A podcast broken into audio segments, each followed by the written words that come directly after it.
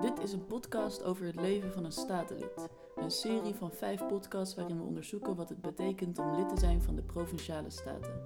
Dat doen we met zes jonge volksvertegenwoordigers uit verschillende provincies en van verschillende partijen. Mijn naam is Trix Pietersen. En ik ben Jelmer uit thuis. En in deze eerste aflevering praten we over hoe het kwam dat Dirk, Christian, Marieke, Vincent, Isora en Antoon zich kandidaat stelden. Deze podcast wordt overigens mogelijk gemaakt door het ministerie van Binnenlandse Zaken en het interprovinciaal overleg.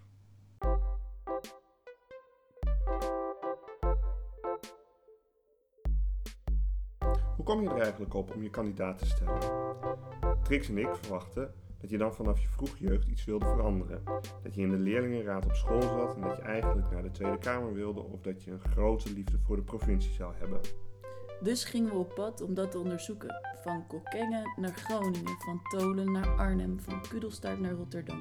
Van de SP naar het CDA, van de PVV naar D66 en van de PvdA naar de ChristenUnie.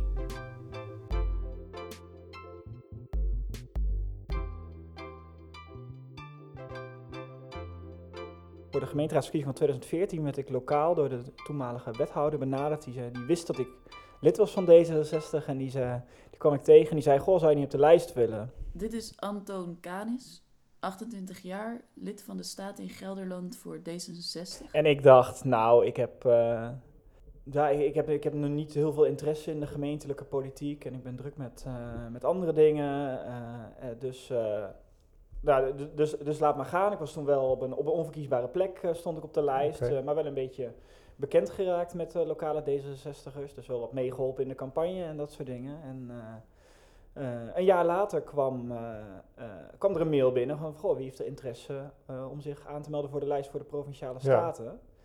Ja. dat had wel mijn interesse en dat heeft namelijk te maken dat er een aantal onderwerpen heel groot zijn bij de provincie, zoals landbouw, natuur en energie, die ik ja, wat ik gewoon heel lang volg en echt heel veel uh, mm-hmm. interesse voor heb. Dus daar dacht ik bij van, hé, hey, daar kan ik wel, uh, nou, kan ik het verschil maken? Kan ik ook echt met leuke onderwerpen bezig? Mm-hmm. En zodoende heb ik mezelf gekandideerd en uh, ben ik nou, eigenlijk ook best wel uit het niks, want ik was niet heel bekend binnen de partij op plek achterecht gekomen. Nou, we haalden zeven zetels en na coalitievorming schoof de nummer één door naar het college en ja, zat ik er opeens in.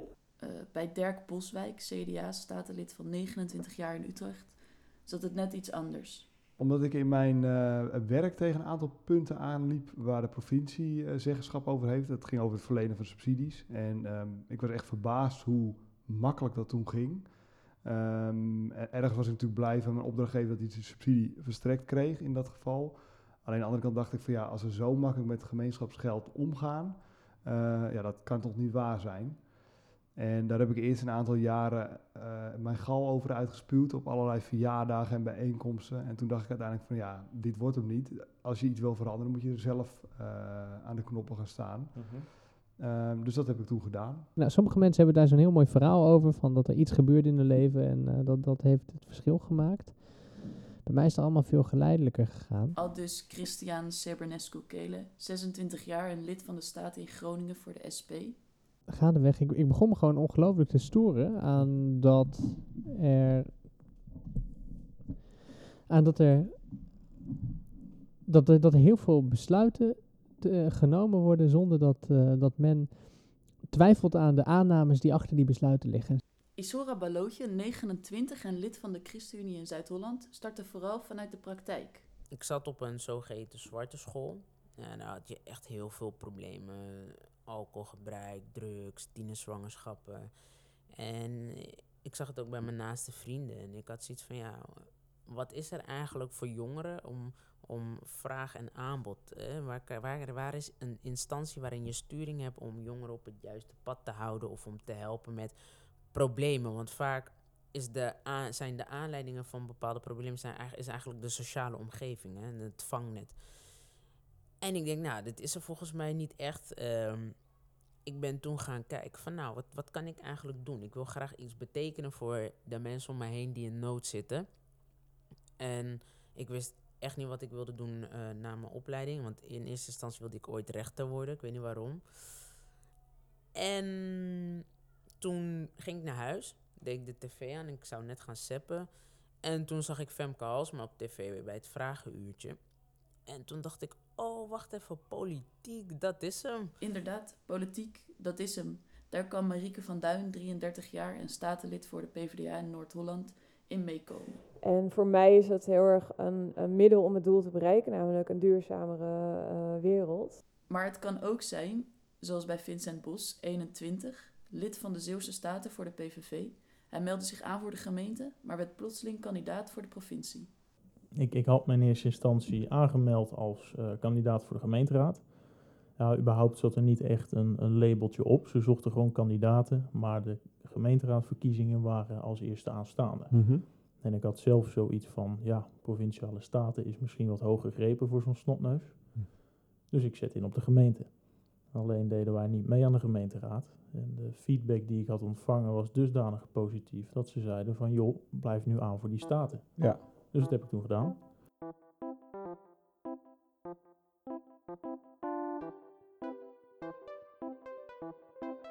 Waar komt die politieke interesse eigenlijk vandaan?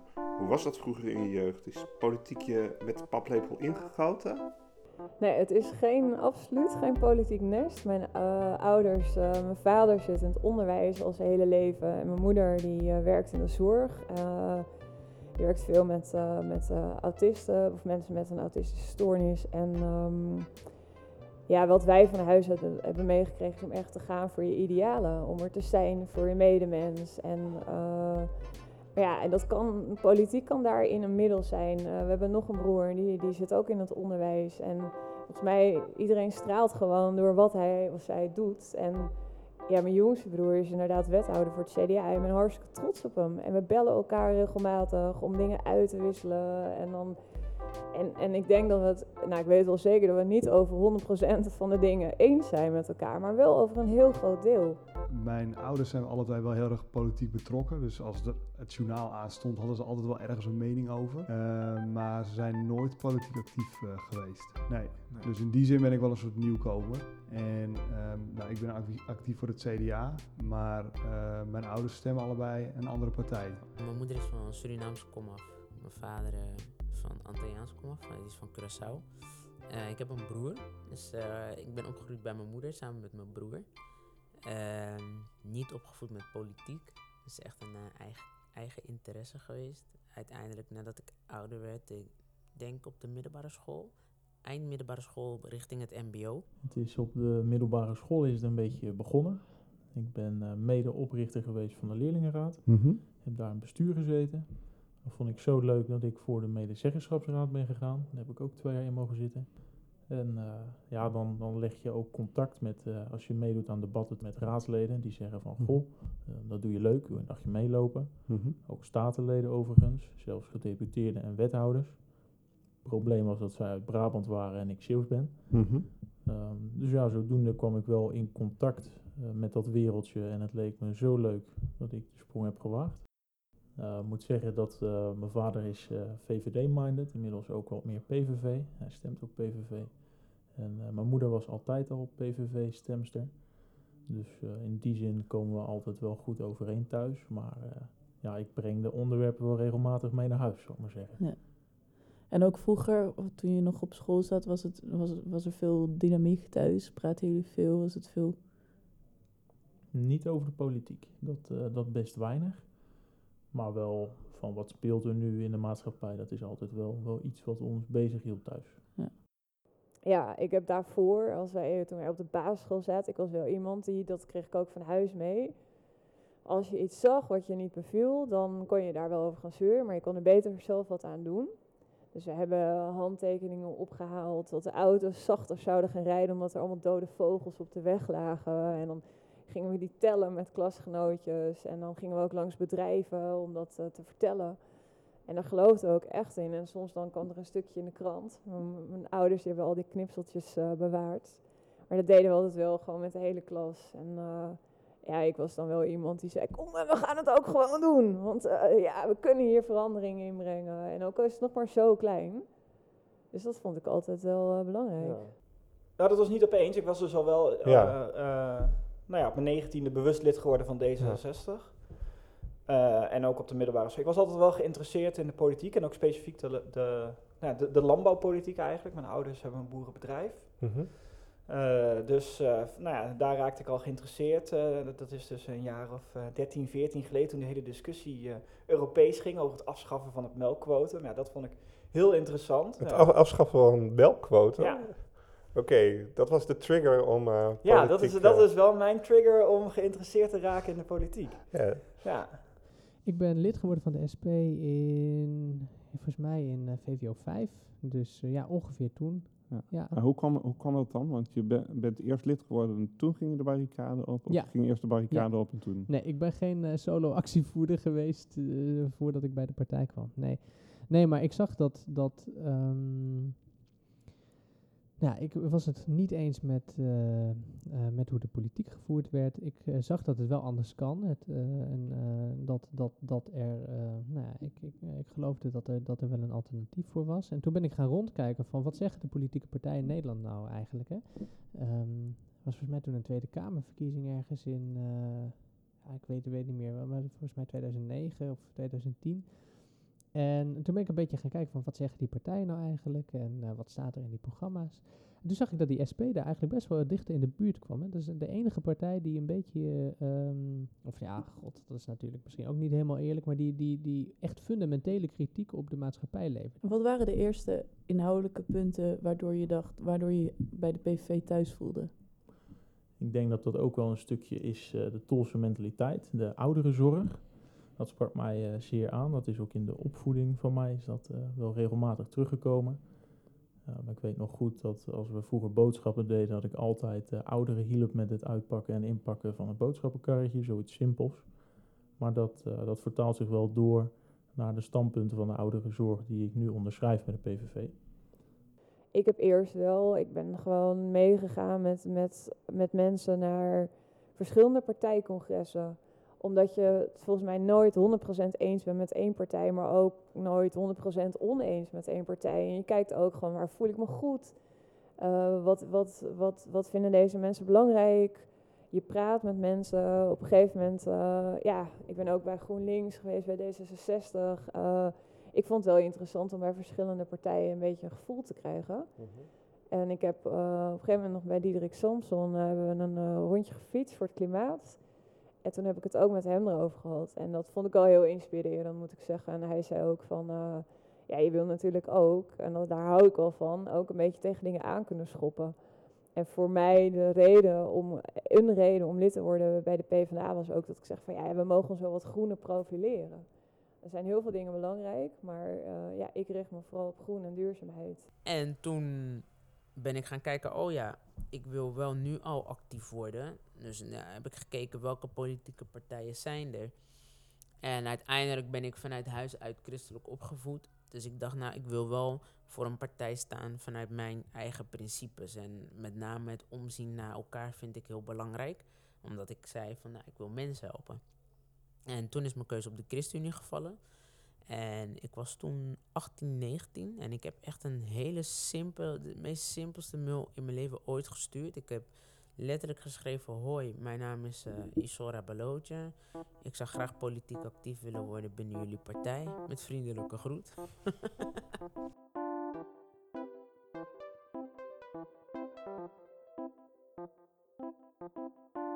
Nou, dat is uh, destijds best wel modern geweest. Ze hadden een bericht op Facebook dat ze kandidaten zochten. Mhm. Mm -hmm.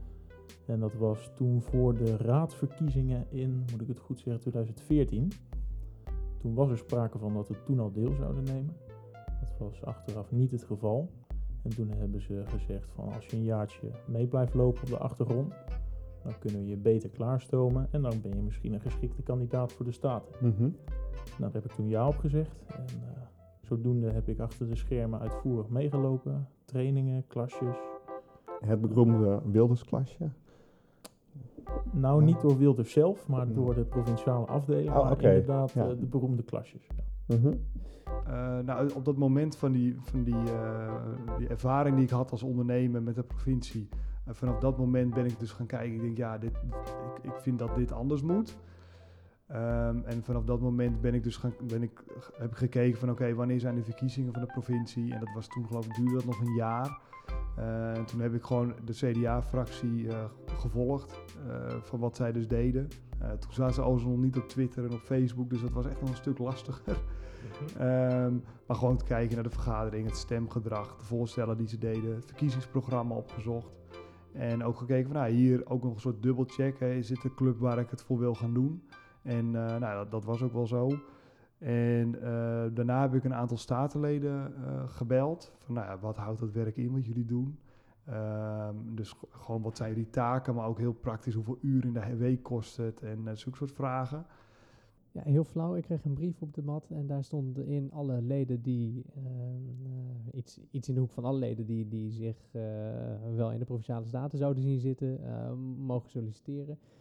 Nou, toen dacht ik, maar waarom niet? Laten we eens kijken. Dus eh, heb ik, heb ik, eh, eh, heb ik ja, gesolliciteerd, heb ik met wat statenvergaderingen meegekeken. En toen ben ik gaandeweg ingerold. En ehm, ja, ik geloof dat een half jaar van tevoren kwam er, of nee, drie kwart jaar van tevoren kwam er een, een advertentie in het ledenblad van nou meld je aan als je interesse hebt. Dat heb ik dan gedaan. Nou ja, en, dan, en dat, gaat, dat duurt een, hele lange, een heel lang traject. Is, ik, ik meen dat ik twee gesprekken heb gehad met een vertrouwenscommissie. Eh, twee gesprekken, geloof ik, van een kleine twee uur. Waar je echt het hemd van het lijf wordt gevraagd. Zeker omdat je natuurlijk nieuw bent. En zeker met ja, mijn achtergrond als eh, PVV-stemmer. Nou, dan worden ook gewoon vragen aan je gesteld. Van ja, weet wel, het is lang vergaderen. Nou, ja, je wordt het soms ook een beetje ontmoedigd. Om niet, om, om niet voor te zorgen dat eh, de eerste de beste in de statenzaal zit. En dan na een aantal maanden denk van dit is hem toch niet. Je wil natuurlijk ook gewoon de mensen met echt, die echt willen hebben. Maar hoeveel aanbiedingen heb jij gehad? Als je, je was bekend in kudelstaart en, en wijde omgevingen. Of hoeveel aanbiedingen heb je gehad? Je bedoelt hoeveel mensen van verschillende partijen Ja. mij gevraagd hebben of ik op de gemeenteraad of ik Ja. mee wilde doen? Van, ehm, ja, van vijf verschillende partijen, denk ik.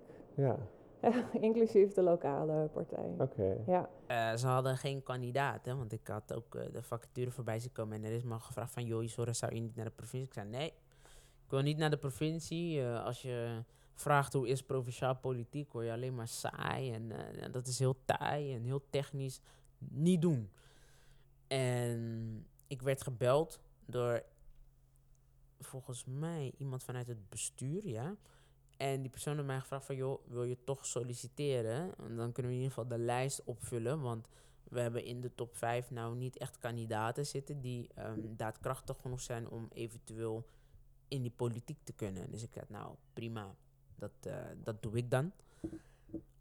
En ja, in één keer hadden we zes zetels binnen. Dus ja, toen was ik, ik stond op drie op de lijst van de provincie. En dat betekende drie zetels ChristenUnie en drie zetels eh, SGP. En ja, toen zat ik erin. Ja. ja. Ehm, ja, ik heb gewoon een brief geschreven. Een sollicitatiebrief, zo gezegd. Ik heb mijn cv een beetje opgepimpt met de leerlingenraad en de medezeggenschapsraad. Eh, daarnaast was ik ook vrijwilliger bij het bestuur van eh, onze ruitervereniging. Natuurlijk, ja. Uiteraard, dat, eh, dat loopt ook door de familie. Al rij ik zelf niet paard, dat dan weer niet. Eh, maar dat was aanleiding om mij uit te nodigen voor een gesprek. Mhm. En naar aanleiding van dat gesprek eh, mocht ik de klasjes bijwonen. Oké. Ja, zo rol je bij ons in het trainingstraject. Als eh 17-jarige had ik me toen kandidaat gesteld. Mhm. En toen ben ik ergens op de lijst gekomen op een plek waarmee ik niet verkozen ben eh, geraakt. Maar ik heb er heel, veel van geleerd. Ik heb aan allerlei debatten meegedaan. Ik stond elke, elke week wel een paar dagen op straat eh, om, eh, om, om eh, campagne te voeren. En, ja, en op die manier ben ik toen bij de provinciale politiek terechtgekomen. Maar je zou kunnen afvragen, wat, wat, wat moet je nou als, als jong iemand in de provinciale staat? Ja. Heeft, als mensen er al een beeld bij hebben, heeft het een beetje een stoffig imago. Hè? Van, van allemaal oude, oude eh, mannen eh, met, eh, met grijze haren in pak die het over hele stoffige dingen hebben. Ja, dat pak heb je wel. Dat maar, pak heb ik wel, ja. Ja. ja. Maar de grijze Maar haren de niet. grijze haren nog niet. nee, maar ehm, ja, en, en toen zag ik dat, dat die provinciepolitiek eigenlijk heel erg boeiend is. Het, het, het zijn wat minder concrete zaken dan in de gemeenteraad. Ehm, er staat ook minder een spotlight op dan in de, in de Tweede Kamer. Maar het zijn wel dingen die belangrijk zijn. Het gaat over je openbaar vervoer, het gaat over je wegen. Ehm, je mag over van alles en nog wat ook je mening geven, ook al gaat de provincie er niet echt helemaal over. Hè.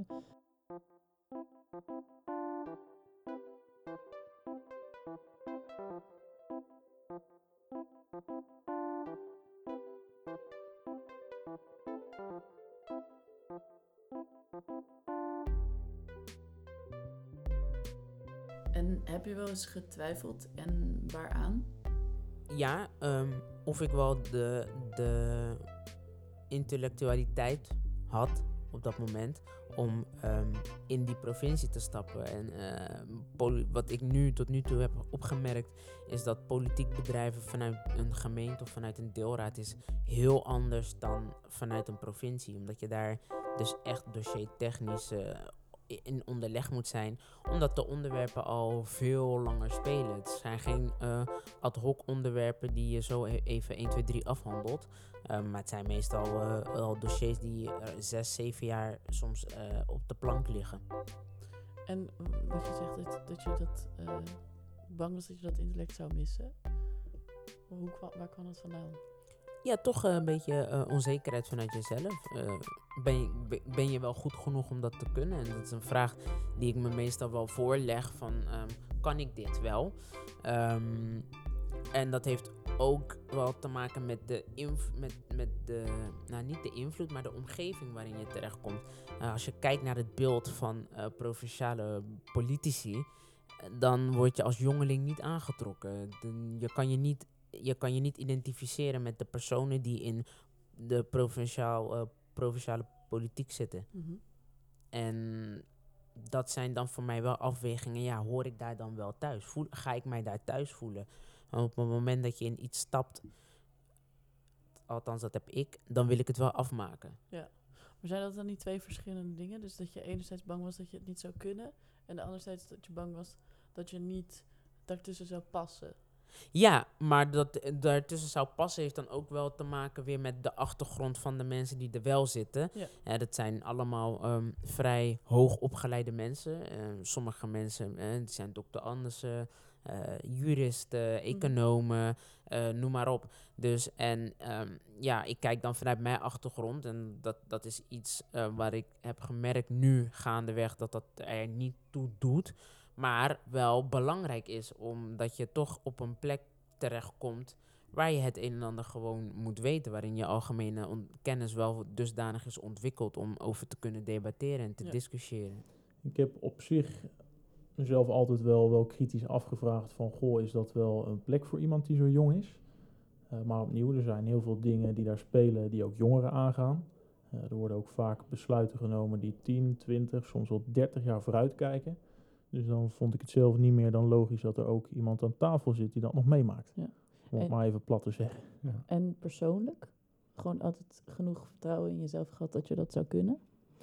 Met alle feedback die ik kreeg, had ik wel vertrouwen in mezelf dat, eh, dat het me goed af zou gaan. Omdat je, ik vind dat als je je ergens verkiesbaar voor stelt, dat je dan ook je eh, termijn in principe moet, moet uitzitten. Hè? Gebeurt er iets onder, onderweg of eh, verandert, verandert je leven op wat voor manier dan ook. Hè? Je, je krijgt ergens een baan of, eh, of, of je wordt ziek of iets dergelijks. Nou, dan kun je natuurlijk halverwege eruit stappen. Maar ik vind op het moment dat je eh, dat je verkiesbaar, stelt, dat je tenminste wel, wel het plan moet hebben. Ik wil hier eh, wel de komende jaren aan vastzitten. Ehm, en toen heb ik, heb ik nagedacht van, nou, is dat realistisch? Kan ik hier de voor- komende vier jaar mee bezig eh, zijn? En uh, nou ja, um, uh, ik deed toen mijn studie geneeskunde, maar bij de laatste verkiezingen tenminste. Nou, de laatste paar jaar van, of tenminste de laatste twee jaar van mijn, van mijn termijn valt na mijn studie. Um, nou dan, dan vind ik wel dat je een beetje een baan in de buurt van, van het provinciehuis moet proberen te zoeken. En lukt dat niet, kun je uiteindelijk natuurlijk altijd ergens anders heen. Um, maar dat was wel een beetje een reden voor twijfel, vind ik. Ik vind het wel zo netjes om als, als, het, uh, als je aan het volk vraagt om, um, uh, om hun vertegenwoordiger te worden, dat je dan ook terug zegt, prima, dan ben ik dat ook voor de tijd waarvoor je me verkozen hebt.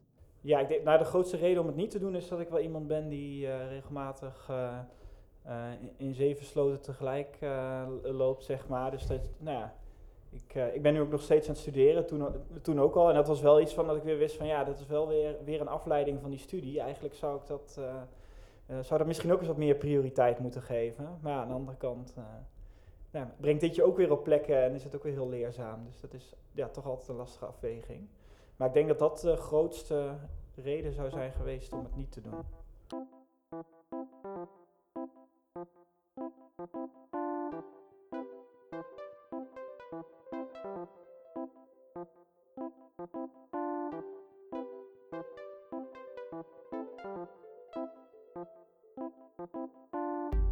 Van de Provinciale Staten word je dus niet zomaar. Toch hoeven je ouders je niet overvoerd te hebben met politieke discussies en je kunt ook prima met ze van mening verschillen. Op een gegeven moment raak je gewoon geïnteresseerd in subsidies, melkquota, duurzaamheid of gewoon politiek. Dan oriënteer je je op jouw partij, meld je je aan en rol je er hupsakee zo de Provinciale Staat in. De keuze voor de provincie maken sommige mensen heel bewust en anderen niet.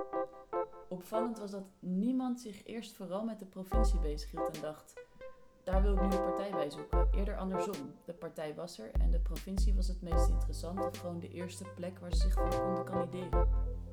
In de volgende aflevering gaan we kijken naar de partij. Hoe kwamen onze kandidaten daar eigenlijk bij terecht? En wat hoort er allemaal bij partijlidmaatschap? Denk je nu al, het lijkt me interessant om me te kandideren? Loop dan een dagje mee met een van onze provinciale statenleden, zodat je nog meer weet van de hoed en de rand. We brengen je graag in contact met hen. En wellicht ken jij iemand die geïnteresseerd zou zijn. Verwijs ze dan door naar deze podcast. Tot snel!